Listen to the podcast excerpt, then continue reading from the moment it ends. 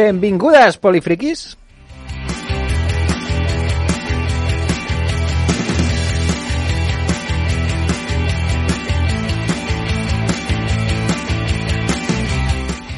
Molt bona nit, benvingudes un dimarts més eh, en aquest programa eh, de Ràdio Sant Cugat.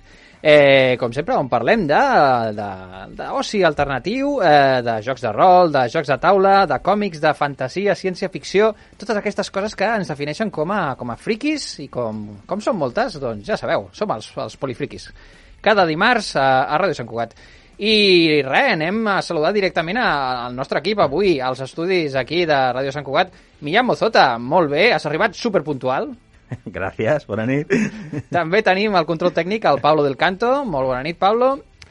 I avui, des d'Osca, com sempre, el nostre home ratpenat, eh, aquest eh, enginyer exiliat i polifriqui per excel·lència, el Marc Travé. Molt bona nit, Marc, com estàs? Us haig de confessar que és una mica desagradable gravar els programes penjat cap per avall. Molt bé. I avui eh, no tenim el, el Pablo Jiménez, el nostre llibreter boig, perquè el tenim, eh, com sabeu, a cada, cada dimarts, eh, primer dimarts de, de mes, el tenim al, al club de, de lectura del celler de llibres, de manera que avui ara mateix està, està en directe, allò, al, al celler de llibres comentant el llibre, el llibre del mes. Ja ens ho explicarà la, la setmana que ve. En qualsevol cas, com que avui no tenim el, el Pablo, avui, mira, passarem una mica de llibres, però no del tot, perquè començarem pels còmics.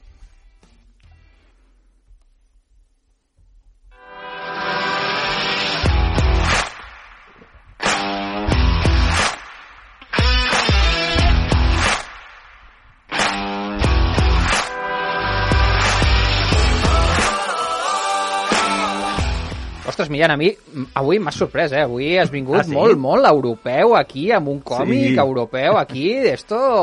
A veure, a veure, què portes? Un, sí, eh? un autor molt, molt reconegut. Sí, però no seria no, còmic europeu, però no así Tintín ni, no. ni, ni Asterix, ¿no? Es una cosa un poco diferente, sí. realmente. Explica'ns, Hablamos ya más bien de, de un cómic más adulto, más, uh -huh. bueno, no por que trate temas así muy sanguinarios o sexuales, ¿no? Sino porque las temáticas y el estilo es, yo creo que es más para el, disfrute de, eso, de, lectores adultos. Bueno, te cuento un poco la historia. Eh, esto lo podría haber tratado en, también en cine y series, pero he preferido hacerlo en cómic porque la versión de cómic, que es la original, me ha gustado más. Ah, mira. Me ha gustado más. Bueno, esto eh, empieza porque la semana pasada había una película que se llama Adele y el misterio de la momia en castellano. En inglés y en francés sería Las extraordinarias aventuras de Adele Blanc-Sec. Y entonces esta es una película francesa, mm, si no recuerdo mal es de Luc Besson, de director, y es una película de aventuras, así como Pulp, ambientada a finales del siglo XIX, principios del siglo XX, que, cuenta las historias de esta joven, es una joven muy aventurera, muy decidida, que va haciendo toda una serie de eh, aventuras en las que se enfrenta a diversos enemigos, consigue objetos y eh, artefactos misteriosos y resuelve, bueno, distintos misterios. Y echa un estilo así un poco francés, con mucho humor, sin tampoco una gran gravedad, tomándose muy, muy a broma las cosas, ¿no? Es, es una película divertida, pero a mí me pareció que tenía detrás algo, digo, esto tiene que ser un libro. Faltaba alguna cosa. Sí. Investigado en venía que sí, peli, ¿no? Eso es. Entonces, pues eh, simplemente preguntando en Twitter, que a veces funciona, decir... Eh, Haz tu magia. Sí, eso es.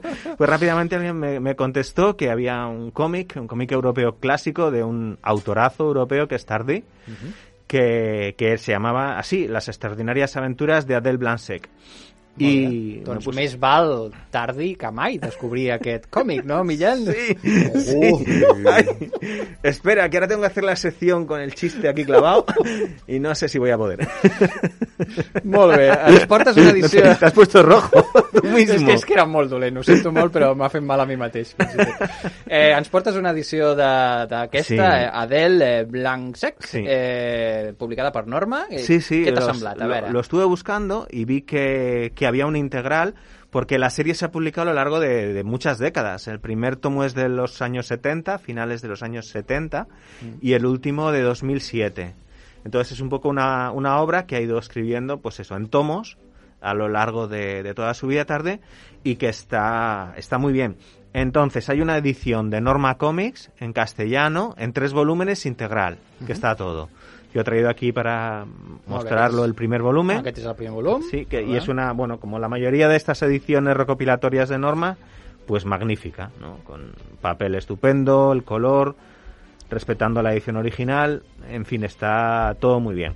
Mira, ja t'ho ja he dit quan, quan has deixat el llibre sobre la taula, que a mi aquesta portada eh, tan, tan suggerent eh, m'ha recordat una mica allò al, al Hellboy. Així, i, I què? què? Com, creus que aquesta... Pues me ha cambiado un poco la perspectiva sobre Mignola.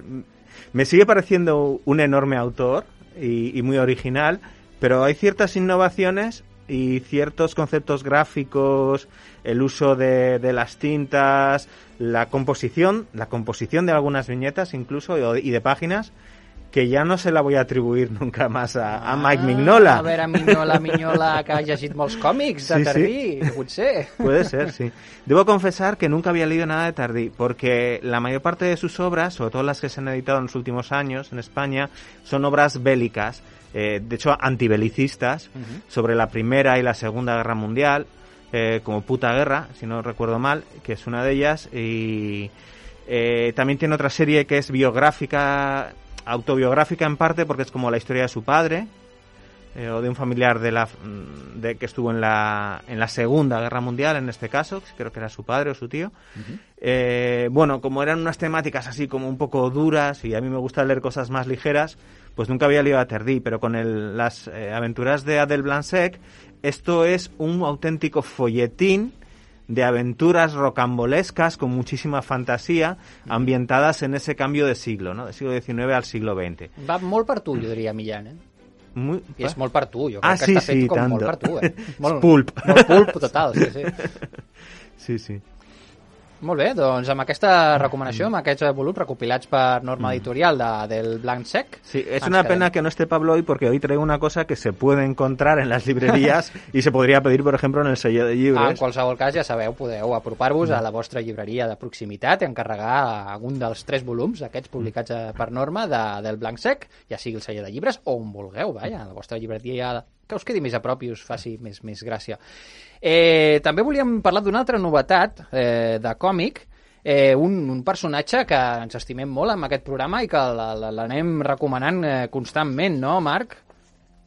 Sí, sí, sí. Eh, de fet, aviam, no és fer un gran comentari perquè ja n'hem parlat eh, moltes vegades, però sí és treure la, la noticieta així que recentment ha sortit... Espera, el... espera, espera. Estàs traient de la xistera el conill que... Vale, és igual, me- fes-ho tu, Marc.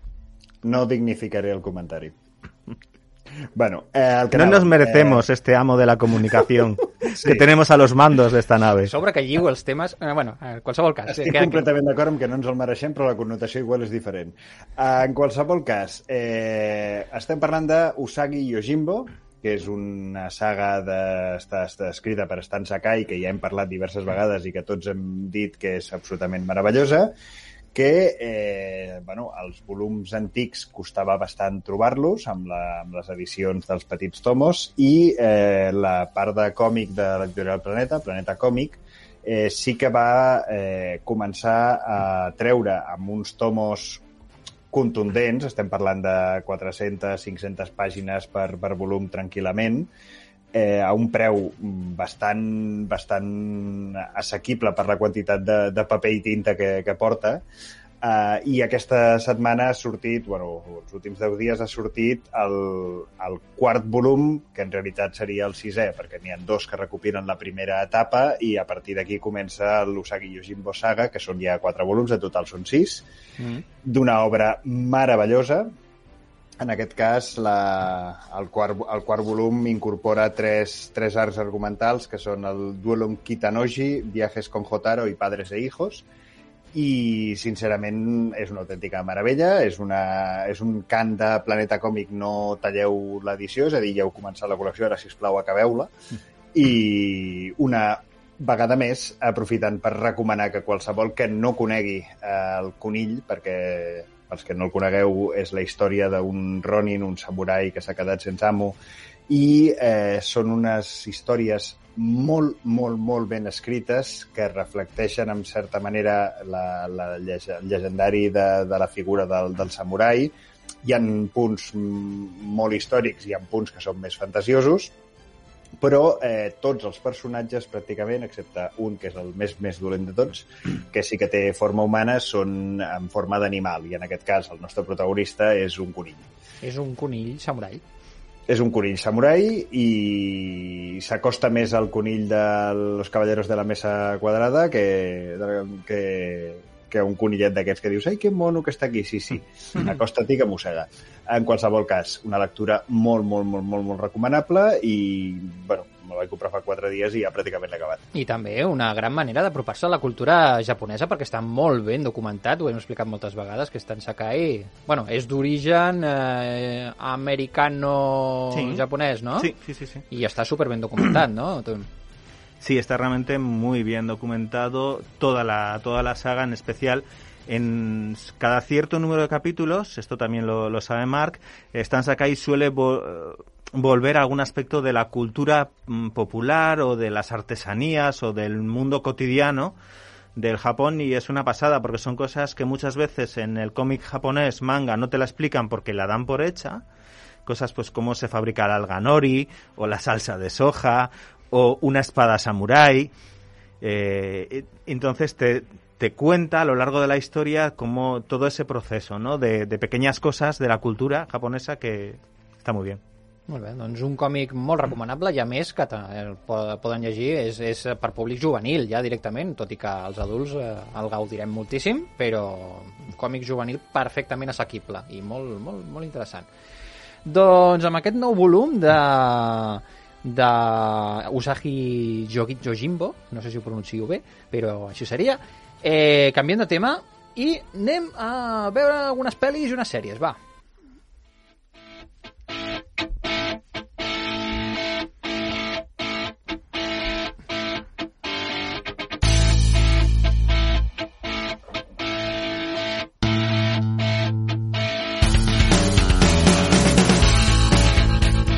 Miran, darrerament ens portes unes recomanacions que em sorprenen sempre, sempre bastant. ¿Qué, ¿Qué has vist aquesta setmana? A veure. Mira, yo Uh, igual hoy me tenéis que dar un poquito de manga ancha, porque no sé, no me atrevería a decir que la recomendación que traigo es muy polifriqui. Bueno, pel, pel títol que veig, jo crec que és una mica de formació professional teva. Totalmente.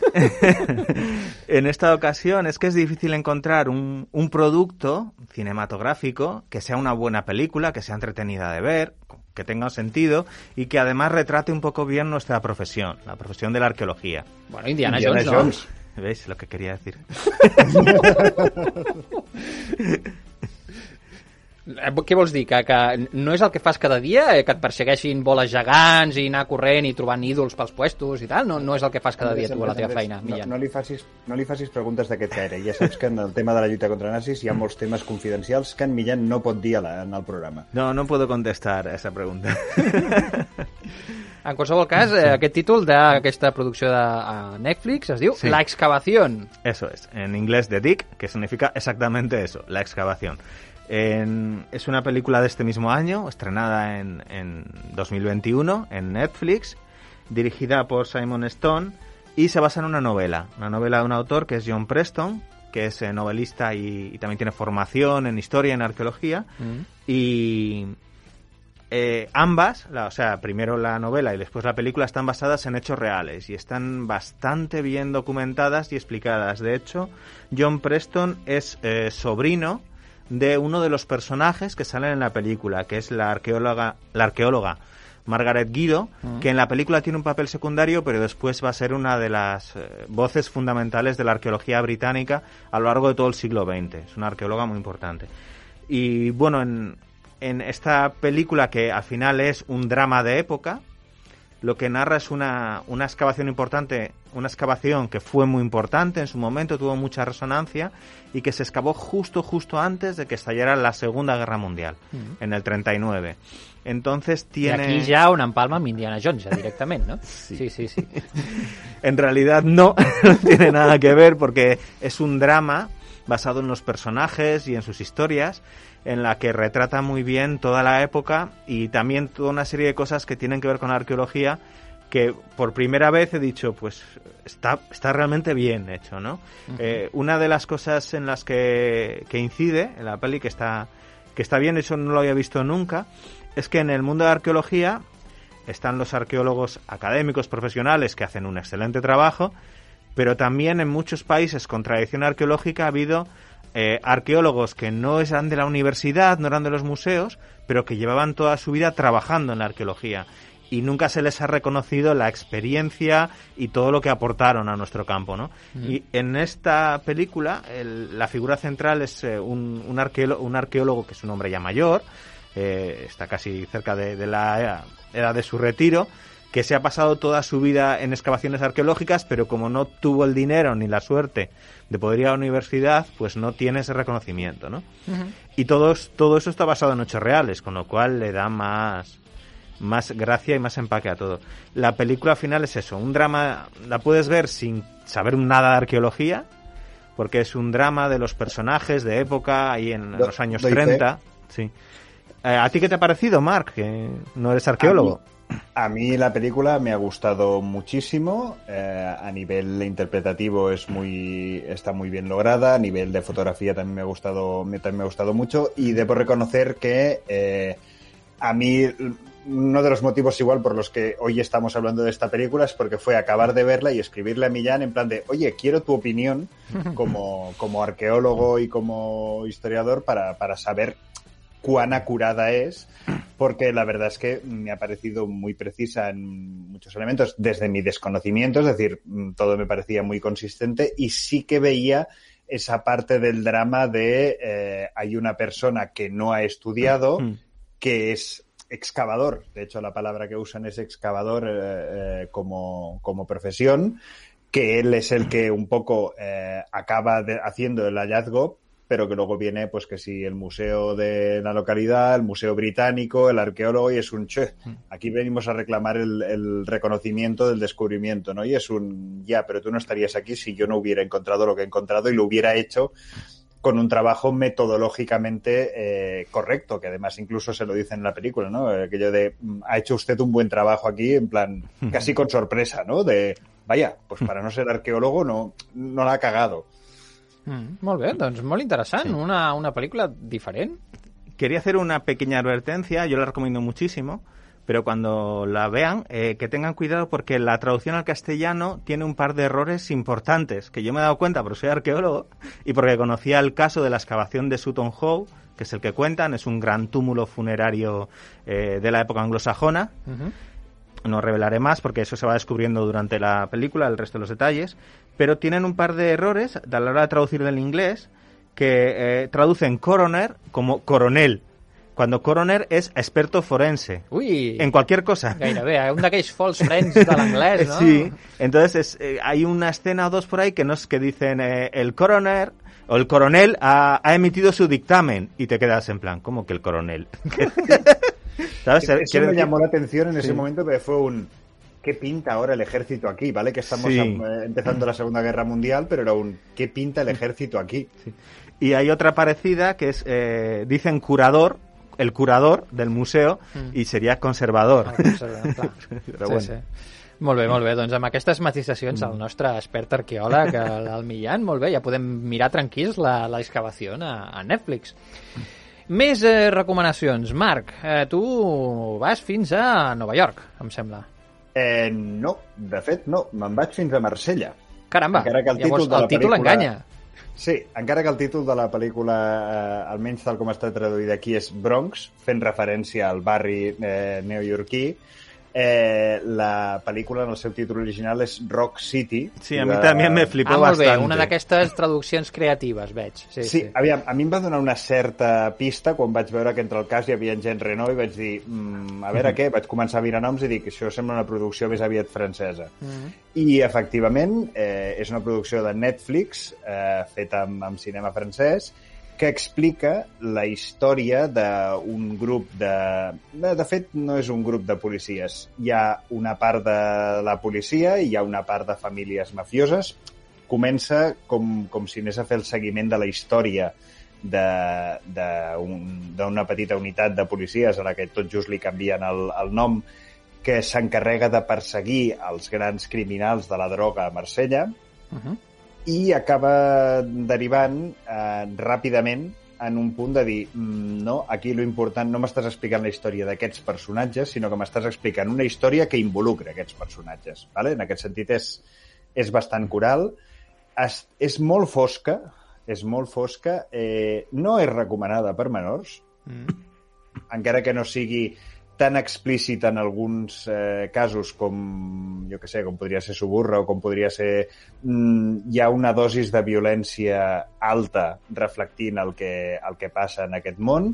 Eh, hi ha una dosi de corrupció, hi ha una dosi de, de, de diferents eh, moviments, eh, no tots lícits, diguem, i cadascú fa valdre les seves armes i la màfia marsellesa doncs no és precisament sutil quan es vol venjar d'algú. Mm. Llavors, eh, per, què, per què la recomano? Eh, D'entrada la recomano perquè és una d'aquelles pel·lícules que reflecteixen la situació sense masses, eh, sense masses heroïcitats. És una pel·lícula que, malgrat té algun que altre tinte allò d'acció, eh, no és una pel·lícula rotllo Michael Bay, mm -hmm. eh, no és una pel·lícula amb herois mm, tots blancs ni amb persones eh, dolentes, mm, purament dolentes, encara que n'hi hagi unes quantes, i és una pel·lícula que no permet que la miris en diagonal. Uh -huh. És a dir, no és la típica pel·lícula que diguis, ostres, estàs de fons. No, no fa masses concessions uh -huh. i si no estàs atent al que estàs mirant, hi ha moments en el que de sobte pots agafar i pots dir, hòstia, m'acabo de perdre, perquè com que és una mica fosca, eh, incluïda la pròpia fotografia, si no estàs atent a qui és el personatge que està dient allò, eh, sobretot amb la versió doblada, perquè ja veus que s'assemblen, mm. eh, igual eh, et lies i dius mm, però i aquest personatge ara per què està aquí o per què diu això? Mm. Però en qualsevol cas, eh, pels que els hi pugui interessar una fotografia reflectint una part de la màfia sense el romanticisme del padrino, eh, la recomano enormement. Doncs ja ho teniu, a Bronx, a Netflix. Que no és sobre el Bronx. No va sobre el Bronx, però la màfia eh, marsellesa. I acabem amb una, amb una tercera recomanació que canvia radicalment el to de, de, de, de les recomanacions que us hem portat avui, que ens ve de la plataforma de Prime Video d'Amazon i que és una estrena que s'acaba d'estrenar aquest cap de setmana i concretament és una seqüela d'una pel·lícula clàssica dels anys 80 que és El rei de Zamunda, protagonitzada per eh, Eddie Murphy i Arsenio Hall, que tornen als papers de la pel·lícula original de 1988, El príncipe de Zamunda. Una pel·lícula que al nostre país va tenir molt, molt, molt, molt d'èxit eh, en, en l'època daurada d'Eddie de, de Murphy. Sí, realment. de hecho és un Eddie Murphy un crack. Sí, era en aquella Totalmente. època que totes les pel·lícules d'Eddie Murphy que sortien mm. eren un èxit garantit i, mm. i, i la gent s'acabava aprenent els diàlegs amb les traduccions d'aquella època. Eh, la nostra època ens sabíem les pel·lis de memòria amb els diàlegs que segurament eren molt creatius eh, per aquella època perquè es perdien molts acudits eh, que segurament feien referència a, pues, allò, sí. a circumstàncies americanes del mm. moment ja sabem que Eddie Murphy ve de, de, del món de, de, de l'stand-up i del, del Saturday Night Live, era un còmic molt, molt, molt popular, i quan es va posar a fer pel·lícules realment ho va patar eh, moltíssim, una vegada darrere l'altra. Aquesta la va fer després de, de Super Detective en Hollywood, aquí, que aquí també ho va rebentar, aquella pel·lícula, i amb aquesta també pues, va triomfar moltíssim, amb aquest Príncipe de Zamunda, recordareu aquest eh, príncep d'un país eh, africà fictici, que no era Wakanda, era Zamunda, no? i que venia als Estats Units a trobar muller, una muller digna, llavors, clar, era un home amb uns costums bastant peculiars. De hecho, huía de un matrimonio concertado, más Exacte, o menos. Exacte, i anava a buscar pues, una dona que, que li agradés més i que tingués uns, uns valors que, que li agradessin. Però, clar, xocava moltíssim amb la realitat de, de la Nova York dels anys 80 i allò es produïen tot tipus de situacions curioses, la típica història de el peix fora de l'aigua, no? de, del personatge que es troba fora del seu entorn i al contrast, doncs, doncs aquí està la, la comèdia. Y además te- era una de esas películas de Eddie Murphy en el que él, él también hacía varios papeles secundarios. De fet, és la primera pel·lícula en la que Eddie Murphy va exercir això, que després el va caracteritzar en pel·lícules Mm. com El professor Chiflado, per exemple, i altres altres pel·lis. Allò, de que anava molt caracteritzat i feia eh, diversos papers. Arsenio Hall també ho feia. A la, a la pel·li, bé, amb dos eh, feien múltiples personatges que de vegades parlaven entre ells, a més, cosa que era molt divertida, que és allò que, oraven allò, ai, pues jo em responc a mi mateix, allò, pel plano contra plano, i queda molt divertit i, i dona el pego. Jo, en el seu moment, no em vaig fixar de què eren ells mateixos, mira què et dic. Quan la vaig veure originalment, de, des de la meva Sí. innocència, no, no vaig identificar. Yo creo que me di cuenta en una escena que hay en una barbería. Sí, la Sí. escena de barberia, clar. Sí, sí. Eh, de fet, moltes d'aquestes Mm. escenes mítiques eh, eh, es reprodueixen en aquesta seqüela. Mhm. La pel·li original és d'un director eh, molt conegut, que és John Landis, molt estimat també Sí. per nosaltres, per, per pel·lis com The Blues Brothers, Mm. per exemple, i, i bueno, eh, reprèn eh, totalment la seqüela. El que passa és que eh, ara ja el, el, el, aquest príncep s'ha convertit en, en rei de, del seu país, de, de, Zamunda, i eh, se n'adona que té un fill a Estats Units eh, que no sabia que existia i així que se'n va, torna, torna a, a, a Nova York Ay, este rey. Sí, sí, era... Bueno, ja se sap que les tendències dels monarques eh, són bastant universals. Així que no, no farem generalitzacions, però, però eh, fins aquí ens quedarem. Eh, I se'n va als Estats Units a conèixer aquest fill i intentar establir un, un vincle i, evidentment, doncs es torna a reproduir one more time mm. els mateixos gags de, de, la primera, de la primera pel·lícula. He de dir que encara no he vist aquesta pel·lícula, però he vist el tràiler i amb això ja us puc opinar de que és una... ¿Está una... disponible o está...? Està disponible, ja es pot Vale, veure. En ja, Prime Video. Sí, sí, sí. A, a Amazon, eh, és producció directa, estrena directa a, a la plataforma d'Amazon, de Prime Video, i ja la podeu veure. Així com la- l'original, de 1988, també la podeu veure, així que podeu fer la, la marató eh, directament. A més, ja veureu que hi ha cameos bastant, bastant interessants eh, en aquesta pel·lícula i si, si us recordeu amb, amb estima amb tot el que és, recordem, perquè eren els anys 80 i molts dels gags d'aquella època potser portats a l'actualitat no fan tanta gràcia com en aquella època o fins i tot li trobem alguns defectes que no, que no ens agraden però bé, bé, a veure, a veure què tal. Yo Eh, creo que quizás lo que peor ha envejecido de las pelis de Eddie Murphy en general y de esta en particular es la parte del sexismo. Totalment. Pero por lo demás son bastante blancas, de un humor bastante... Sí, de fet, Amable. pel que he vist en el tràiler, i d'aquí opinaré, eh, fins i tot es riu una miqueta d'això, perquè les actituds d'aquest eh, rei de Zamunda són retrògrades en, en el tracte a les dones, per exemple, i se li veu clarament que allò està totalment fora, fora de lloc en la nostra, la nostra actualitat, vaja. Així que, molt bé, amb aquesta recomanació d'Amazon m'agradaria fer un parell, un parell de punts de dues noticietes d'aquestes del salseo, que, que m'agrada de sempre portar cada setmana al Polifriquis, de les coses de les xarxes socials que hem vist de les darreres hores i que podem comentar.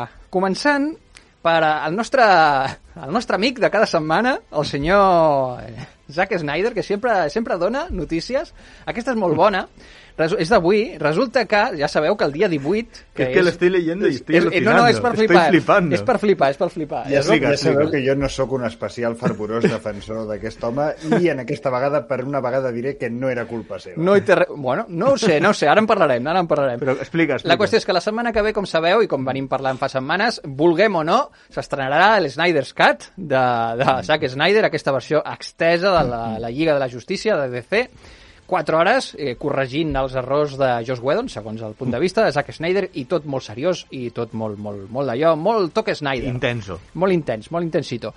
El cas és que s'estrena el dia 18, està el Marc esperant, amb moltes ganes per veure-la, però, però què ha passat? Que avui els espectadors de la plataforma HBO Max, eh, concretament els dels Estats Units, han, s'han, han portat una sorpresa molt maca. I és que quan han posat, eh, els, els espectadors que han posat a reproduir la pel·lícula de Tom i Jerry, el ratolí i el gat, dels dibuixos animats de tota la vida, la d'acció real, aquesta darrera que ha sortit fa, fa poc, l'han anat a veure allà a la plataforma d'HBO Max i, oh, sorpresa, resulta que han començat a reproduir el Snyder's Cut.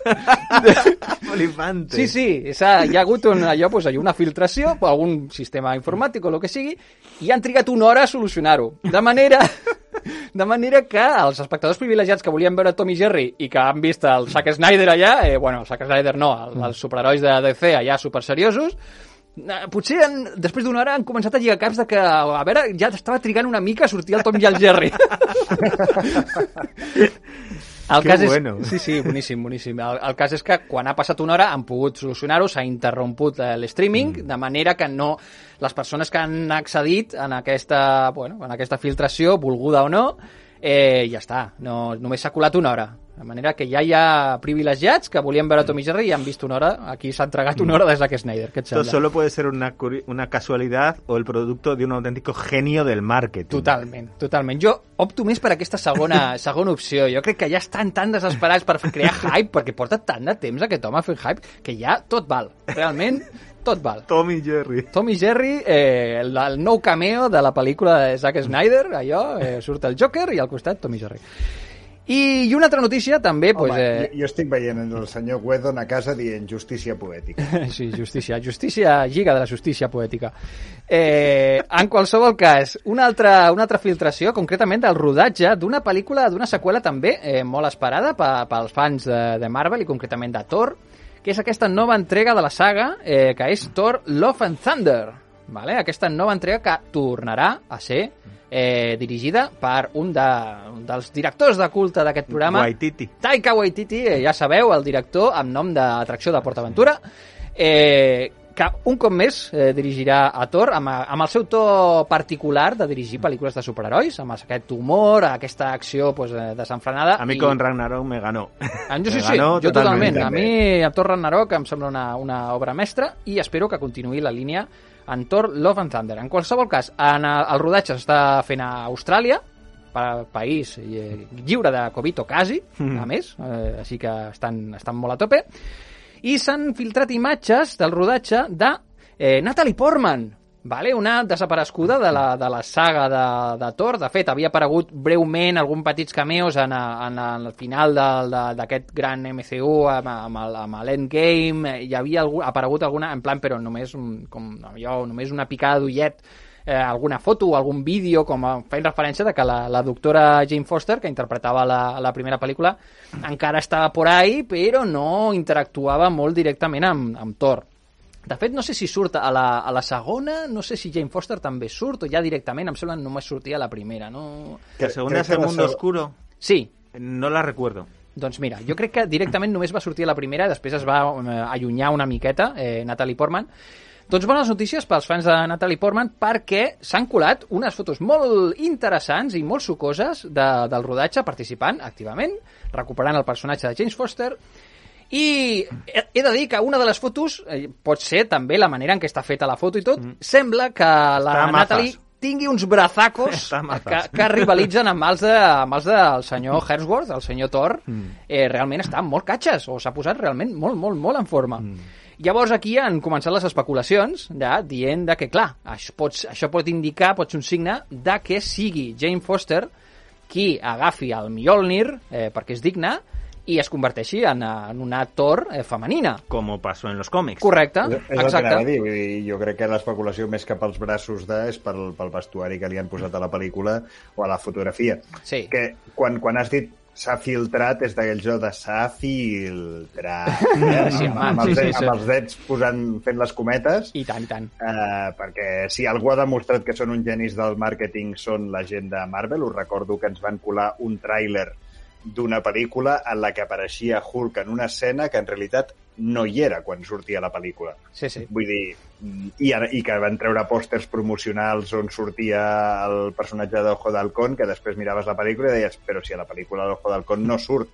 I és un... Mm, vull dir que jo els veig en, aquesta, en aquests sí que els veig clarament intencionats. Clarament. Els hi mm, filtro aquesta imatge i començo a explicar que, que igual el personatge de Thor ja no serà en Chris Hemsworth, sinó que serà una altra persona. que em sembla magnífic. Per altra banda, si va per aquí la cosa, m'interessa moltíssim aquesta Thor la, eh, Love and Thunder.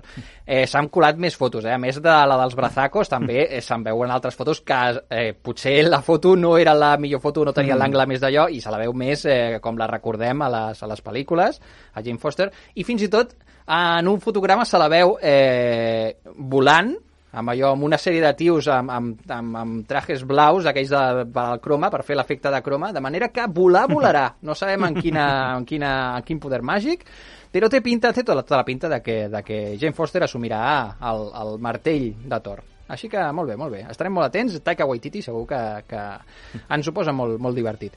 I amb aquesta notícia de, del món de l'MCU, del univers de Marvel, Cinematic Universe, eh, canviant de tema, i anem a jugar a jocs de rol i jocs de taula.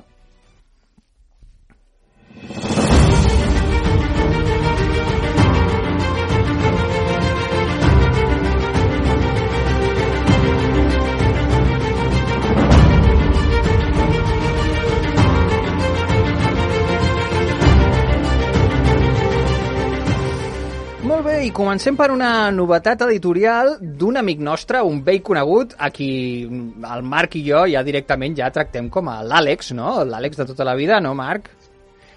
Jo encara no el tutejo tant, tant, tant, almenys en públic, però, però sí, eh, traiem una, una novetat i és que el conegudíssim director de cinema Àlex de la Iglesia, eh, en col·laboració amb, amb, Edge, Enter, amb Edge Entertainment, una empresa de, de jocs de rol i de jocs de taula, doncs ha publicat eh, recentment, no sé si ha sortit avui, ahir, aquesta setmana, però bueno, recentment ha publicat una aventura pel joc de rol de la llamada de Tulu que es diu La broma macabra. Eh, és un llibre... No l'he pogut fullegir encara, perquè encara no m'ha arribat, encara que ja el tinc demanat. Uh -huh. eh, el celler de llibres. Eh, és una aventura per la sèptima edició del joc de, de la llamada de Tulu i eh, té un format completament diferent al que sol ser l'habitual en aquesta espècie de grans mòduls o grans campanyes de rol, perquè uh -huh. està ubicada a la ciutat del Cairo, als anys 20, mm, aproximadament uns 15 dies després de, del descobriment de la tomba de Tutankamon, uh -huh. però tota l'acció passa en un dels, probablement en el més luxós hotel de l'època, que és el, el Shepherds, i eh, diguéssim que al mig d'aquest hotel hi haurà un fotimer de trames que, que aniran desenvolupant-se amb un fotimer de personatges no jugadors i les trames aniran passant tant si els jugadors hi intervenen com si no. Uh -huh pel mig de tot això doncs, hi pot haver alguna trama que sigui més important o menys important, és a dir, és Tulu, alguna podria ser que hi hagués algun mort, algú que acabés boig o el que s'acabés al món. Mm -hmm. Llavors, eh, bàsicament, eh, el que es planteja és que l'aventura està formada, o el llibre està format en mode sandbox. Mm -hmm. És a dir, eh, tota la teva, tota l'aventura passa dins de l'hotel amb personatges jugadors, personatges no jugadors i eh, hi ha fins i tot un desplegable amb un... que això sí que ho hem pogut veure amb, amb les imatges que han compartit alguns que ja l'han pogut tenir per, per, per Twitter, suposo que Entre ells el propi Àlex de la Iglesia o la Carolina Bank, per exemple? Sí, però la Carolina Bank, per exemple, va agafar i va treure una imatge d'ensenyar com, com hi havia un mapa desplegable d'on estaven els personatges no jugadors en cada moment de la història uh -huh. i l'Àlex de la Iglesia li va protestar en plan de eh, eh que estàs fent un boxing que jo encara no l'he fet. Però bueno, eh, bro bromes a part, o si és o no és part d'estratègia comercial, fa una pinta espectacular. Eh, L'Àlex de l'Iglesia ja ha comentat per Twitter que ha trobat una rata. Eh, que, que era... Bueno, perdó, l'Àlex de l'Iglesia no. Porque l'ha dicho él, eh, que si no, no sí, la veo ni jo. És el que et anava a dir. Eh, aviam, eh, sobretot en primeres edicions, és absolutament habitual que hi hagi petits errors alguns són més grossos que d'altres, però és per mi perfectament normal que de tant en tant hi hagi alguna rata, perquè per molt que l'hagis llegit mil vegades, arriba un moment que els teus ulls passen per damunt de. Per tant, eh, un notable elogi a aquells que aconsegueixen que la tassa de rates sigui minúscula. També et diré que, eh, com deia el Millan, la meitat de les rates que apareixen en primeres edicions, si no les diu el propi autor, mmm, ni tan sols, ni tan sols ens n'adonem. Mm. Jo li tinc moltes, moltes, moltes, moltes ganes a aquest llibre eh, i a banda de que no deixa de ser un, un escrit per una persona que ja m'ha deixat eh, flipant amb molts dels productes que, que, que ha dirigit, un confés rolero. Això anava, anava a dir, perquè molta gent pot estar sorpresa, ostres, què fa Àlex de la Iglesia publicant una, una partida, una, una campanya, una partida de rol? Doncs sí, sí, Àlex de la Iglesia és un d'aquells jugadors de rol eh, de tota la vida i que després, per circunstàncies de la vida, s'ha convertit en director de cinema, però... Y ya había publicado antes aventuras, precisamente la llamada de Tulu, en Sí. revistas de los años 80, ¿verdad, Sí. Marc? Sí, sí, había publicado alguna cosilla, lo que pasa es que nada del, Mm. del calibre de lo que estamos, No, claro, que en estamos revistas ahora. aficionados, fanzines y así. Sí, sí, això és una altra cosa. També eh, he de dir que darrerament està molt, molt, molt rolero l'Àlex de la Iglesia perquè publica en el seu perfil de Twitter, si l'aneu seguint, moltíssimes notícies eh, relacionades amb el món dels jocs de rol. De vegades comparteix el nostre podcast també, el Zero en Cordura, que això és una cosa que ens agrada moltíssim i ens fa moltíssima il·lusió. I també s'ha A de mi dir em que... continua flipant, vale. bueno, mira, Por farem? cierto, en el último episodio de 30 monedas, la serie de Les de la Iglesia, hay un huevo de Pascua Mm. y hay un momento en que hay un personaje que está haciendo una especie de discurso eh, siniestro y uno de los versos que utiliza eh, termina y la broma macabra. Mira, és que sí, sí, tot O lliga. sea que no da puntada sin hilo. De fet, fins i tot el propi Àlex de la Iglesia, parlant al voltant d'aquesta sèrie de- d'HBO, aquestes 30 monedes, que ja n'hem parlat algun dia, també eh, ha explicat que ell l'ha plantejat i l'ha produït com si fos una campanya de rol. Sí. En realitat, o sigui que narrativament, realment, si tu l'agafes, en realitat sí, sí, sí que és veritat que argumentalment pues, sí que és una mica una campanya de, de rol, de, podia ser perfectament de, de la llamada de Xulú, de manera que és totalment... Nyarlathotep. Sí, sí, i, sí, és totalment coherent, de fet, que, que publiqui un, un suplement. y, y- y varias y varias cosillas más. Si miras por las pizarras, miras en los tocones de los árboles, mm, hay algunos símbolos por allí que no son satanistas o esotéricos o de mm, paleocristianismo, sino que son directamente sacados de los primigenios. Molt bé, doncs amb aquesta recomanació que tenim eh, tots moltes ganes de tenir-lo a les nostres mans. I, Marc, a veure, eh, directament, eh, fes-nos de, de màster d'això, ja. Mm. Jo encantat de la vida. Ara, pel que he llegit, necessitaré una miqueta de temps per preparar-m'ho, si no us importa. D'acord, tu pren el, el temps que necessitis, però fes-nos fes aquesta, aquesta campanya. I seguim comentant eh, més temes de, de rol, concretament de- d'algunes de, de les grans multinacionals, concretament eh, d'una, eh, que és Hasbro, no? propietària de Wizards of the Coast, i unes dades que al Millán periòdicament, ja ho diem, la setmana passada sí. ja ens va portar unes quantes dades, avui ens en portes més eh, sobre com ha estat aquest any eh, de rol per a aquesta empresa. Sí, la verdad es que me- a mí me ha dejado bastante sorprendido, eh, porque no lo esperaba, pero es una noticia bastante positiva para los aficionados a los juegos de rol y juegos de mesa, en concreto a los juegos de cartas. Eh, bueno, al principio, en el primer trimestre del año, una cosa que, que pasa mucho con las empresas estadounidenses y las de todo el mundo es que haz- suelen hacer reuniones en las que presentan resultados. ¿No? reuniones para sus stakeholders o para sus inversores, investors. ¿no?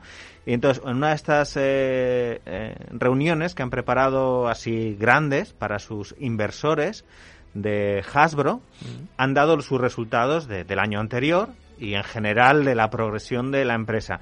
Y en esos datos han explicado que Hasbro, la multinacional del juguete, que también es propietaria de Wizard of the Coast, es decir, de Dungeons and Dragons, el juego de rol, y de Magic the Gathering, el gran juego de cartas coleccionable, eh, que es también un auténtico, una gran propiedad intelectual y un gran negocio mundial, pues eh, ya están ganando más dinero con el Magic y el Dungeons que con los juguetes.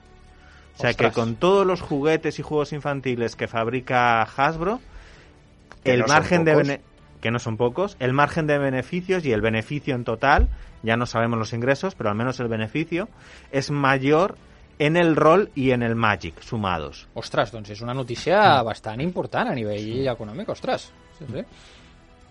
Y también han explicado que mientras que Magic siempre ha sido un gran negocio, o sea, las cartas de Magic, del juego de cartas, siempre se han vendido muy bien y un- han tenido un volumen de negocios bastante impresionante, eh, Dungeons and Dragons no ha dejado de crecer en los últimos años y el último año ha crecido todavía más y se está acercando a la cantidad de dinero que, que recauda Magic. O sea, estaría ya casi a la par, con lo cual se está convirtiendo eso tanto en una enorme propiedad intelectual Mm. que, que no dudo que empezarán a explotar eh, con licencias o más licencias para productos audiovisuales, películas, series, otro tipo de juegos, videojuegos y demás como también un- una fuente de ingresos en sí misma. Eso significa que tenemos rol y tenemos Dungeons and Dragons para rato. I segurament llicències i productes mm. en tot tipus de, de, de plataformes i videojocs mm. i pel·lícules i sèries, segur que de tot, vaja. Molt bé, molt bé. Doncs molt interessant, molt interessant aquesta, aquest anàlisi, una bona notícia per les polifriquis i els, i els polifriquis. I acabem tancant aquesta secció amb un joc de taula, d'acord? Amb un joc de taula que, per desgràcia, encara no tinc a les meves mans, però que se m'estan posant les dents molt, molt, molt, molt llargues perquè l'estic veient molt compartit a xarxes i m'està flipant eh, moltíssim i li tinc un hype bastant, bastant gros. Es tracta de un joc de, de, que publica eh, en aquest país eh, TCG eh, Factory, vale? que es diu Unmatch Battle of Legends, una batalla de llegendes. Vale? I què passa? Bàsicament, resumint eh, molt fàcilment, eh, conté a quatre perso personatges legendaris, cadascun d'ells amb un, eh, amb un eh, mazo de cartes, eh, amb unes mecàniques determinades per representar els seus poders o les seves característiques, i eh, consisteix a enfrontar-nos eh, uns contra uns altres. Però, alerta, alerta de qui són els personatges, perquè a la caixa bàsica d'aquest Unmatch, eh, d'aquest Battle of Legends, no hi ha ni més ni menys que atenció, el rei Artur, acompanyat de Merlin i companyia, la Medusa, el, el, el monstre de, de, de, de, la, de la Grècia clàssica. Grècia? He dit bé, Millan? Sí. Sí, bé. Alicia en el País de les Meravelles, però una Alicia amb un espadón que lo flipes.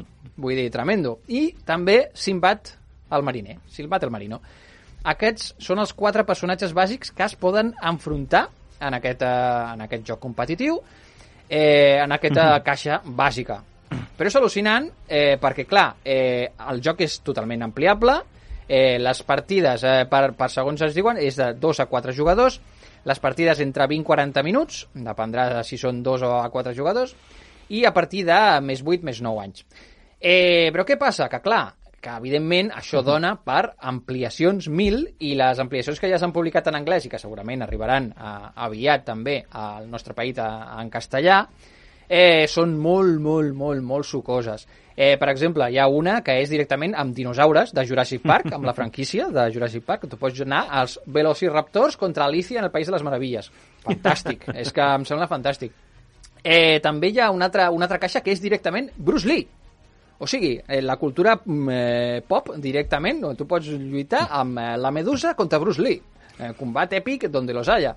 O Sinbad el Marino contra, per exemple, Robin Hood o el Bigfoot que és fantàstic, però la meva expansió favorita, i jo crec que, que serà la que em compri en el moment eh, que surti, perquè a més es poden jugar de forma independent, eh, vull dir que el sistema de joc permet de jugar amb els mazos o les figuretes que tinguis eh, de, de les caixes i suplements que tinguis. És eh, la caixa victoriana, eh, que es diu eh, Coveland Fog, que és allò boira i, bueno, eh, bàsicament aquesta boira londinenca, que està plena de misteris, i que conté personatges com Alerta, eh, Dràcula, el, eh, el conde Dràcula, eh, l'home invisible, eh, Jack el Destripador i eh, Sherlock Holmes amb Watson allà. En, eh, vull dir, eh, és al·lucinant. Perfecto. És fantàstic, fantàstic. Només amb, amb, amb aquesta, amb aquesta eh, com es diu, eh, plantell d'herois, eh, ja, és que ens podem imaginar unes aventures increïbles. No sé com serà el sistema, eh, veurem a veure què tal, però com a mínim la presentació i els components són al·lucinants, perquè més inclouen figuretes d'una qualitat eh, magnífica i un disseny espectacular i que només per les figuretes ja val la pena el joc. Així que jo tinc ganes ja de, de provar-lo. No sé si vosaltres li heu fet un, un cop d'ull. No, me lo estás descubriendo ahora mismo, pero... Doncs jo, jo, jo personalment estic esperant que surti la caixa aquesta victoriana eh, perquè realment té molt bona, molt bona pinta. I a veure, a veure, a veure què tal. Eh, la veritat és que té pinta de ser molt i molt eh, divertit. I amb aquesta recomanació de joc de taula anem eh, tancant el programa eh, jugant una mica de videojocs.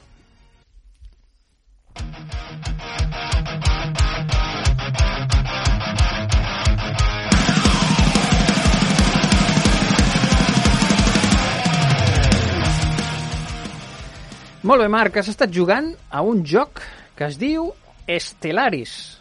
Sí, eh, Stellaris, no té la E inicial. Eh, he estat jugant, és un escolta, joc... Eh, escolta, però bueno, quina correcció és aquesta? M'estàs jugat, aquí corregint, aquí, la meva pronúncia, Stellaris, perdona. Eh? En, en Millán també hi havia jugat, eh? Sí. Vull dir que ell, ell també pot, pot, donar, pot donar veu. És un joc eh, no molt antic, que crec que és del... No molt antic, aviam. Els orígens crec que són del 2016, però l'hem seguit eh, desenvolupant. És de Paradox Interactive i és un joc que es pot jugar tant individualment com multijugador. I en aquest cas, tu el que fas és controlar un imperi galàctic.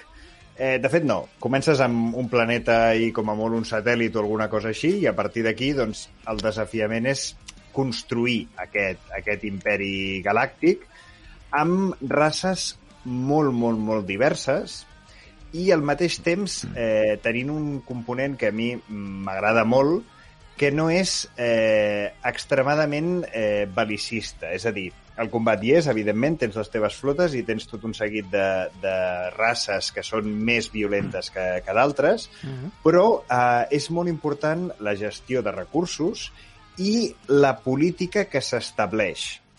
A què em refereixo? A que tu has de definir en el teu imperi si ets o no ets una democràcia, si ets o no ets esclavista, si ets eh, beligerant o no, si ets racista o no ets racista com a imperi, mm. quines polítiques migratòries tens, quins acords de migració tens amb la resta de, de, de països o no tens. És a dir, està l'opció, per exemple, de poder, de poder agafar i dir "Mm, aquí està mi flota i esta és mi democràcia. Sí, és veritat, pots fer-ho, però hi ha un risc al fer això.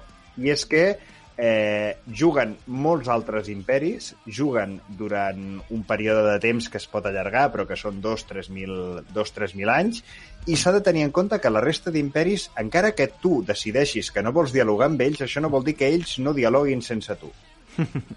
vale? I que si tu decideixes que vas per la via bruta i que jo ho soluciono tot a, a, a, amb, la, amb la violència, doncs probablement el que et trobaràs és que la resta s'han ajuntat i s'han posat d'acord amb que tu ets una amenaça per tots ells i que per tant t'han de baixar els fums.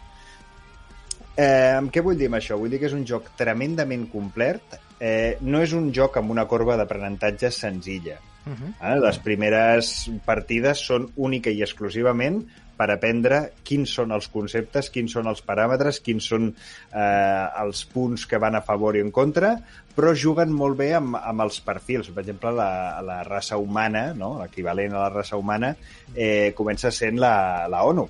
És, és, és, és, representen un futur en el que ja els països han desaparegut i és la ONU la que està al davant, capdavant i tens una presidenta que no només és dona, sinó que a més a més és, una, és, és negra, vull dir que van trencant els estereotips, però eh, sí que és veritat que eh, molts dels elements del joc eh, són farragosos d'aprendre si, si, no és un, si, no és una, si no és un joc pensat per dir no, és que faré una partideta d'una horeta i amb això he acabat la partida. No. Mm -hmm són, per, són jocs per anar pensant, anar tirant endavant, anar dient, vale, doncs ara faig això, ara provaré això altre, després a tants X torns endavant doncs vull preparar aquestes coses perquè no va per torns, però dit, va per, per temps continu, el que passa que pots posar pausa, donar totes les ordres i llavors continuar que el temps vagi, vagi passant. Això m'agrada, veus, això? Perquè si no, jo el temps real ja sabeu que m'estressa.